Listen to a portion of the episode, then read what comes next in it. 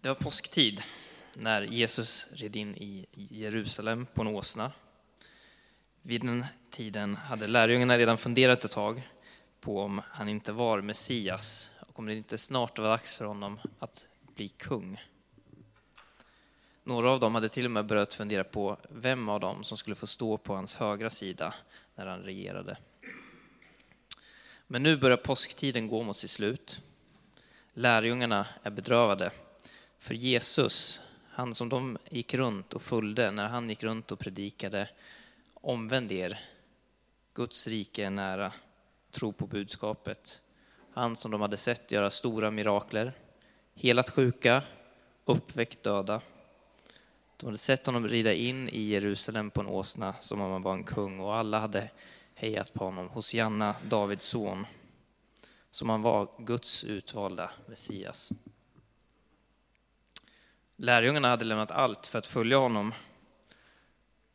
Men det hade inte blivit som de hade tänkt. Strax efter att han hade ridit in i Jerusalem på den där åsnan så hade judarna fångat honom, dömt honom till döden och hängt honom på ett kors. Precis som en brottsling. Så nu är alla lärjungarna bedrövade vad ska de tro på och vad ska de göra? Lärjungarna de är rädda för att judarna ska göra med dem precis som de hade gjort med Jesus. Så de låser in sig och gömmer sig bakom de reglade dörrarna. Och plötsligt så står Jesus mitt ibland dem och visar sig nu för den andra gången. Tidigare på morgonen samma dag så hade Jesus visat sig för Maria. Thomas, en av Jesu lärjungar, kommer hem lite sent. Han har missat Jesus. Han tror inte på det. Och då står det, en vecka senare var lärjungarna samlade igen och Thomas var med. Då kom Jesus, trots att dörrarna var reglade, och stod mitt ibland dem och sa, frid åt er alla. Därefter sa han till Thomas, räck hit ditt finger, här är mina händer, räck ut din hand och stick den i min sida. Tvivla inte, utan tro. Då svarade Thomas, min Herre och min Gud. Jesus sa till honom, du tror därför att du har sett mig. Saliga de som inte har sett men ändå tror. Och här slutar påsktiden. Och det verkar som att det gått ett tag, kanske några dagar, kanske några veckor till och med, eh, innan den här texten som Mattias läste i början utspelar sig. När Petrus ska ut och fiska och lärjungarna följer med. Det har tagit ett tag innan lärjungarna fattar mod. De har suttit och varit rädda inne, men nu verkar det som att äntligen, efter ett bra tag, så går de ut igen och känner sig säkra. De känner inte att de behöver vara oroliga för att bli dödade igen. Många, eller till och med nästan alla av Jesu lärjungar var fiskare. Det var man i Galileen. Antingen var man fiskare eller jordbrukare. I princip alla var det. Några av lärjungarna till Jesus, de umgås en kväll, som de ofta gjorde fortfarande, trots att Jesus var död. Stämningen är inte på topp, för det, var inte, det är inte som förr. De saknar Jesus och de vet inte vad de ska göra. Förr gick de ju runt och följde honom och gjorde som Jesus lärde dem. Jesus verkade ju alltid veta precis vad de skulle göra. Men nu sitter de där tillsammans och saknar honom och förmodligen är de ganska uttråkade också med tanke på allt de hade varit med om de senaste tre åren. Till slut verkar det som att Simon Petrus tröttnar på det här, bara sitta och göra ingenting. Så han säger till lärjungarna, jag ger mig ut och fiskar. Och då väljer de andra, i alla fall några av lärjungarna, att följa med honom. Och jag tänker mig att de har haft ganska många samtal om det de hade varit med om, om vad de ska tro, och ganska mycket tid har de haft på att bearbeta det, men det verkar ändå inte som att de riktigt vet vad de ska tänka eller tro. Jesus har ju både dött och uppstått, men han leder dem inte som förr. De kan inte följa honom som de gjorde förr. Och jag tror det största problemet för lärjungarna just nu är, vad ska de göra när de inte följer Jesus? Och det verkar som att Simon Petrus, han har bestämt sig för vad, ska, vad han ska göra. Han ska bli fiskare precis som han var förut. Och Petrus, som var någon slags ledartyp, gjorde det naturligt för de andra som har varit fiskare att säga, ja, men vi hänger på. Om du ska bli fiskare igen så följer vi med. Och jag kan ana att de suckar lite och säger, ja, det är väl så här vårt liv kommer bli igen. Livet går upp och ner. Och lika så är det med tron och relationer. Och inte minst med relationen med Gud för många människor. Ibland ser man inte Gud. Ibland ser man inte Guds vilja eller Guds väg. Ibland är det svårt att komma ihåg vad Gud har gjort för en. Det kan vara svårt att tro på Gud, att han bryr sig, eller att han tar hand om just dig, eller med dig. Och ibland kan man undra om Gud har en relation med mig och vill det. Och oftast kommer man ju ur tvivlen. Och då brukar man ju säga att man ofta blir starkare när man kommer ur dem. Men ibland så kan man fastna där också. För Petrus och de andra lärjungarna hade Jesus varit deras rabbi. Och det betyder ju mästare. Och det är lite vagt begrepp vad det innebär, men det är allt möjligt. Främst så skulle jag säga präst, men de skipade lag. De eh, var liksom en viktig funktion i samhället. Men om vi stannar vid präst i alla fall, eller mästare, så är det så här att lärjungar till rabbinerna, eller rabbin på den här tiden, de följde sin mästare under flera år och förbereddes, förbereddes på så sätt att i sin tur kunna bli en rabbi när de är färdiga. Så de som var lärjungar förväntade sig att de skulle få den tjänsten som sin mästare hade haft.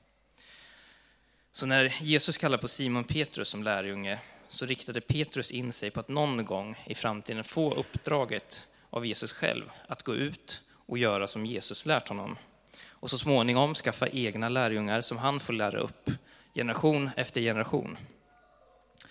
Han såg sitt lärjungaskap som ett livslångt åtagande. Det trodde i alla fall Petrus när han följde Jesus första gången. För det var ju så lärjungar gjorde. Man lämnade sitt jobb, sin familj och vänner ibland. Och det kunde han göra utan problem nu. Och nu när Petrus ser att Jesus har dött så börjar han tappa begreppet. Hans blick blir grumlig och han kan varken se Guds väg eller agerande. Allt han trott och hoppats på har gått i krasch. Först tänkte han ju att han skulle bli någon slags lärare. Och efter ett par eller kanske tre år med Jesus så börjar han ju se att Jesus verkar ju mer än det här. Han är mer än en rabbi. Jag kanske kommer bli någon typ av minister när Jesus blir kung. Och jag tycker det är lite kul att Petrus blick är grumlig trots att Jesus efter sin död har visat sig för lärjungarna. Först för Maria, sen för lärjungarna, sen för lärjungarna igen när Thomas är med. Och ändå vet han inte riktigt vad han ska göra med livet. Hans liv hade blivit så spännande kan jag tänka mig, när han följde Jesus och gett en stor mening. Och visst var, var det häftigt nu att Jesus uppstått och han var större än han hade trott. Han var inte bara kung, utan han var Guds utvalde, Guds son, Messias. Och han hade makt över döden. Men vad innebär det för Petrus? Hur ska han nu leva sitt liv? Och dessutom hade ju Petrus svikit Jesus tidigare och det gjorde allt så mycket värre. Nu när Jesus är borta, vad gör han då? Jo, han går tillbaka till sitt gamla liv som fiskare. Man kan säga att han är tillbaka i vardagen, men jag tänker att det är mycket värre än så. Han tar flera steg tillbaka i sitt liv. Det är något slags enormt bakslag. Så småningom så kommer han tillbaka till sin gamla familj, till sina gamla vänner, till sitt gamla jobb. Och det är ju helt naturligt att relationer, tro och livet går upp och ner. Och att Gud ibland känns långt borta. Ibland kanske man tvivlar på Guds existens, eller du kanske upplever att Gud har lämnat dig, eller att du har lämnat Gud. Och då är frågan, vad gör du då? När Gud känns långt borta, eller när livet inte blivit som det var tänkt. Gör du då som Petrus, som vet att Jesus har uppstått men är osäker på vad det innebär. Och du går tillbaka till ditt gamla liv, till det som var. Glömmer du bort grunden din tro en gång stod på? Börjar du tvivla på att Gud finns eller Gud bryr sig på det du hört eller sett Gud göra? Eller låtsas du att du har koll på livet och tron fast du egentligen inte har det? Just det sista alternativet hoppas jag att ingen ska behöva känna i den här kyrkan. För det är okej att tvivla och ha nedgångar både i livet och i tron. Och det är något jag tänker att vi borde prata mer om vid fikaborden. Men för att nedgångarna inte ska ta över så tror jag att det är viktigt att ha något att luta sig tillbaka på, eller någon, när allt sätts i gungning. Att ha någon att ställa sig fast vid när livet och tron känns dött eller trist. Och i Moseboken så kan vi läsa om hur Gud uppenbarar sig för Abraham vid platsen Shekem. Och då bygger han ett altare där åt Herren. Och det står sen att Abraham fortsätter sin resa mot landet som Gud har lovat honom. Och han slår sig ner mellan Betel och Ai. Och där reser han också ett altare där han tillber Herren vid. Det blir hungersnöd i Egypten. Och Abraham bestämmer sig för att vi måste resa till Egypten. Eller det blir hungersnöd där han bor. Så de bestämmer sig för att resa till Egypten. I den tidens stormakt. Där vet de att där finns det mat. När de närmar sig så säger han till sin fru Sarai. Du är så vacker. Du är en vacker kvinna, så när egyptierna får se dig och förstår att du är min hustru dödar de mig och låter dig leva. Säg därför att du är min syster, så kommer allt att gå mig väl tack vare dig och jag får leva. Han säger till Sara, berätta inte för någon att vi är gifta. Han är rädd för sitt liv. Han blir självisk och han tappar blicken från Gud. Trots att Gud har varit honom trogen och lett vägen väldigt tydligt genom hela hans liv. Så ser han inte Guds väg, utan han väljer att ljuga för sin egen vinning. Och mycket riktigt så får han leva, och han blir rik dessutom, tack vare sin fru. Men det är på hennes bekostnad. Hon hamnar i faros hov och förmodligen i hans harem, där hon förmodligen behöver ligga med alla möjliga rika män. Gud ser det här, den här situationen som han, hon har hamnat i och bryr sig och ser till så att Sarai eh, och Abraham lämnar Egypten, blir utkörda därifrån till och med. Och på vägen därifrån så kommer de till slut fram till den platsen där han en gång byggt ett altare mellan Ai och Betel. Och han ser sitt altare och där händer någonting. Han ser ett spår av tidigare tillbedjan i hans liv. Och just, just vid den platsen så tillber han Gud och hittar tillbaka till Guds väg. Det altaret fick bli en påminnelse för honom. Och det här med altaren finns det en bra bok som nämner i ett kapitel om Mikael Hallenius, Spår av den osynlige. Där skriver han att tron är alltid indragen i minnets kamp mot glömskan. Tron är alltid indragen i minnets kamp mot glömskan. Därför är altaren så viktiga, tänker jag. För att påminna sig om de minnen man faktiskt har av egna erfarenheter eller av andras erfarenheter, vittnesbörder. Det handlar inte nödvändigtvis om stora gudsmöten eller helande, utan det kan ofta handla om något väldigt litet.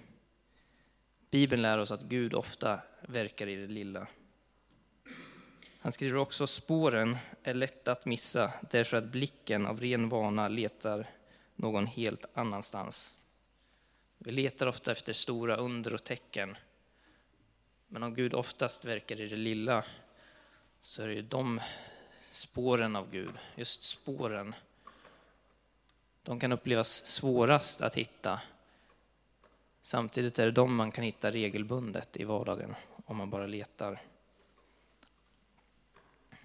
Och jag tänker att det är livsviktigt att man som kristen hittar sådana här altaren i livet. Och ett altare det skulle kunna vara platser, stunder, möten, handlingar som har haft betydelse i livet på något sätt. Ett altare kan man gå till eller tänka tillbaka till när man är på väg neråt i livet.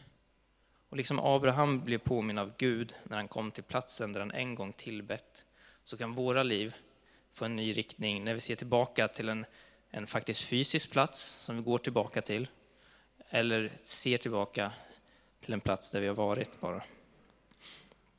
Jag tror att man kan ha många olika altaren. Så man kan vända sig tillbaka för att få en ny riktning i livet. Och mitt främsta altare som jag lutar mig tillbaka på, det är en händelse som utspelar sig på ett sommarläger på Hjälmagården. Jag är 13-14 år gammal. Jag hade eksem. Det kliar för det första förskräckligt mycket och det kan vara ganska fult. Och jag hade väldigt mycket och jag hade besökt en läkare som sa att de kommer aldrig försvinna. Speciellt på vintern såg det ju hemskt ut. Jag var i alla fall på ett seminarium där ett pastorspar hade seminarium och pratade om helande. Och I slutet av seminarium bjöd de in de som var sjuka eller behövde helande på något sätt att bli bädda för. Jag går fram dit och jag har ju bett om det många gånger, men jag hoppas att den här gången ska det hända någonting. Jag har bett om det på läger tidigare. Jag har bett med min familj, med vänner. Jag har bett hemma i sängen otroligt många gånger. Och ett antal gånger så har jag till och med trott att ja, men nu, nu kommer jag bli helad. Eh, I alla fall vi ber för det. Eh, när jag vaknar upp morgonen efter så tänker jag, ja, men det här, det här är nog, det, det ser bättre ut. Eh, och när lägret går mot till slut så kommer jag ihåg att jag kollar igen och jag känner liksom, det kliar inte och det verkar borta. Men jag funderar fortfarande på, har Gud helat mig eller inte? Och jag minns ett halvår efter så kollar jag, nej de har fortfarande inte kommit tillbaka. Har Gud helat mig eller inte? För att jag hade trott innan ett antal gånger att ja, men Gud har helat mig och så var det inte så. Så jag vågade inte riktigt tro. Eh, man säger ibland att poletten trillar ner. Den här gången gjorde det ganska sent. Eh, ungefär ett halvår. Och då, då bestämde jag mig, ja, men jag måste tro på det här, Gud har helat mig. Eh, och då har fortfarande inte kommit tillbaka, så jag säger att Gud har nog fortfarande helat mig. Men jag lär mig både saker om mig själv i det här altaret, om vi kallar det för det, och saker om Gud.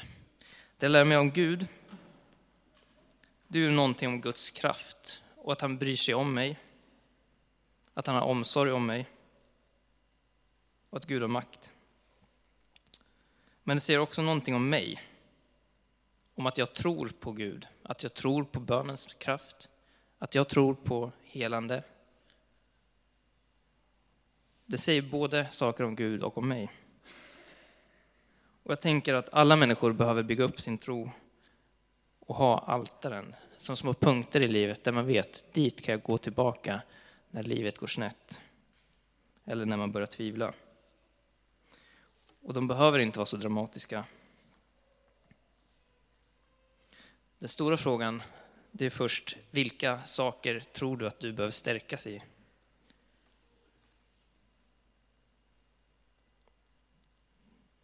För det avgör ju vilken typ av altare du behöver bygga. Vad har Gud gjort i ditt liv? Det är sånt som kan bli altare. Fundera på det. Det kan vara händelser i ditt liv som varit livsavgörande på ett eller annat sätt och som satt prägel på vem du är, på din tro, på din relation med Gud. Det kan vara något du har hört från någon annan som stärkte dig.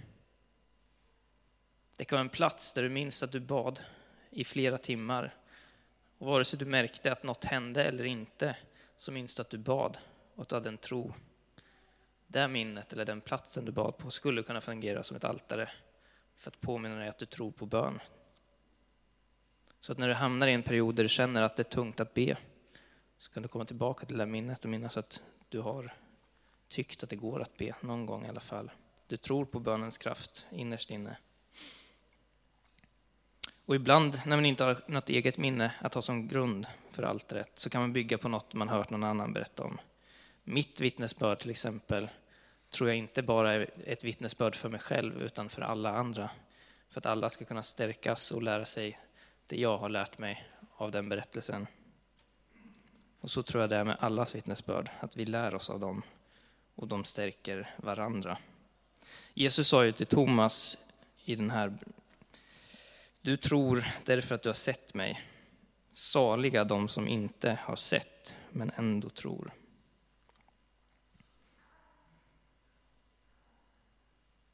Jag tänker att det inte alltid är lätt att se när Gud griper in i våra liv. Oftast märker vi det nog inte alls. När lärjungarna först hör Jesus tala till dem i den här berättelsen när de står och fiskar, då märker de ju inte att det är Jesus.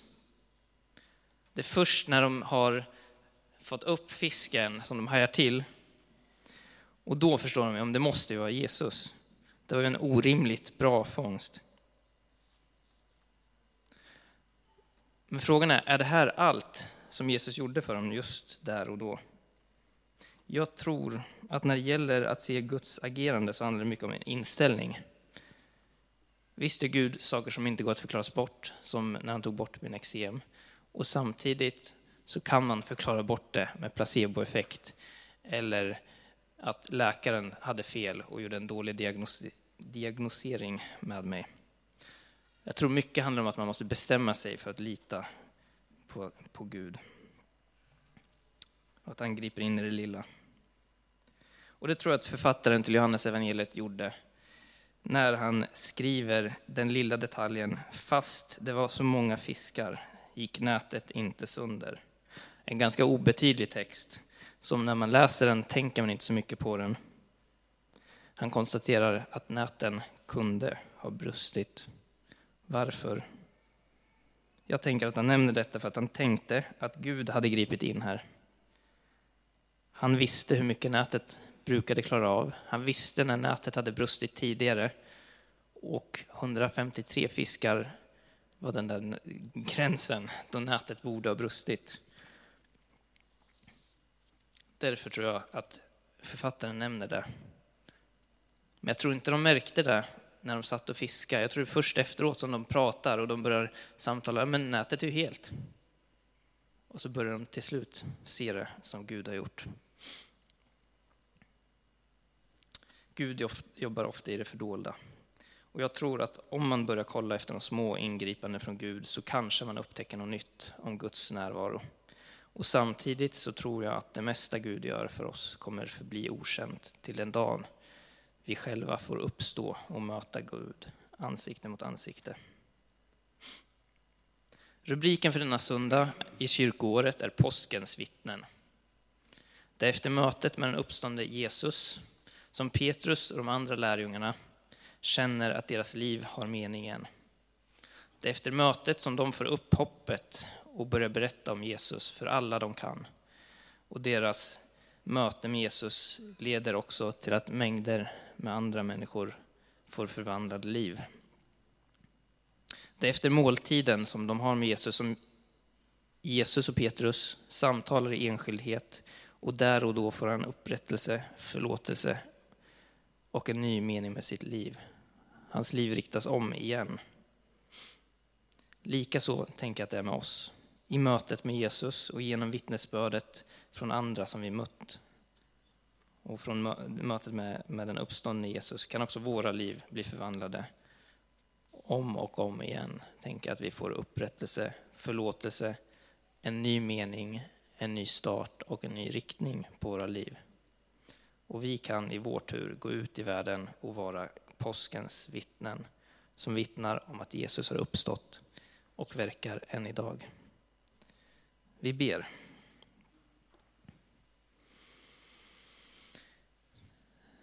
Tack Gud för att du har uppstått.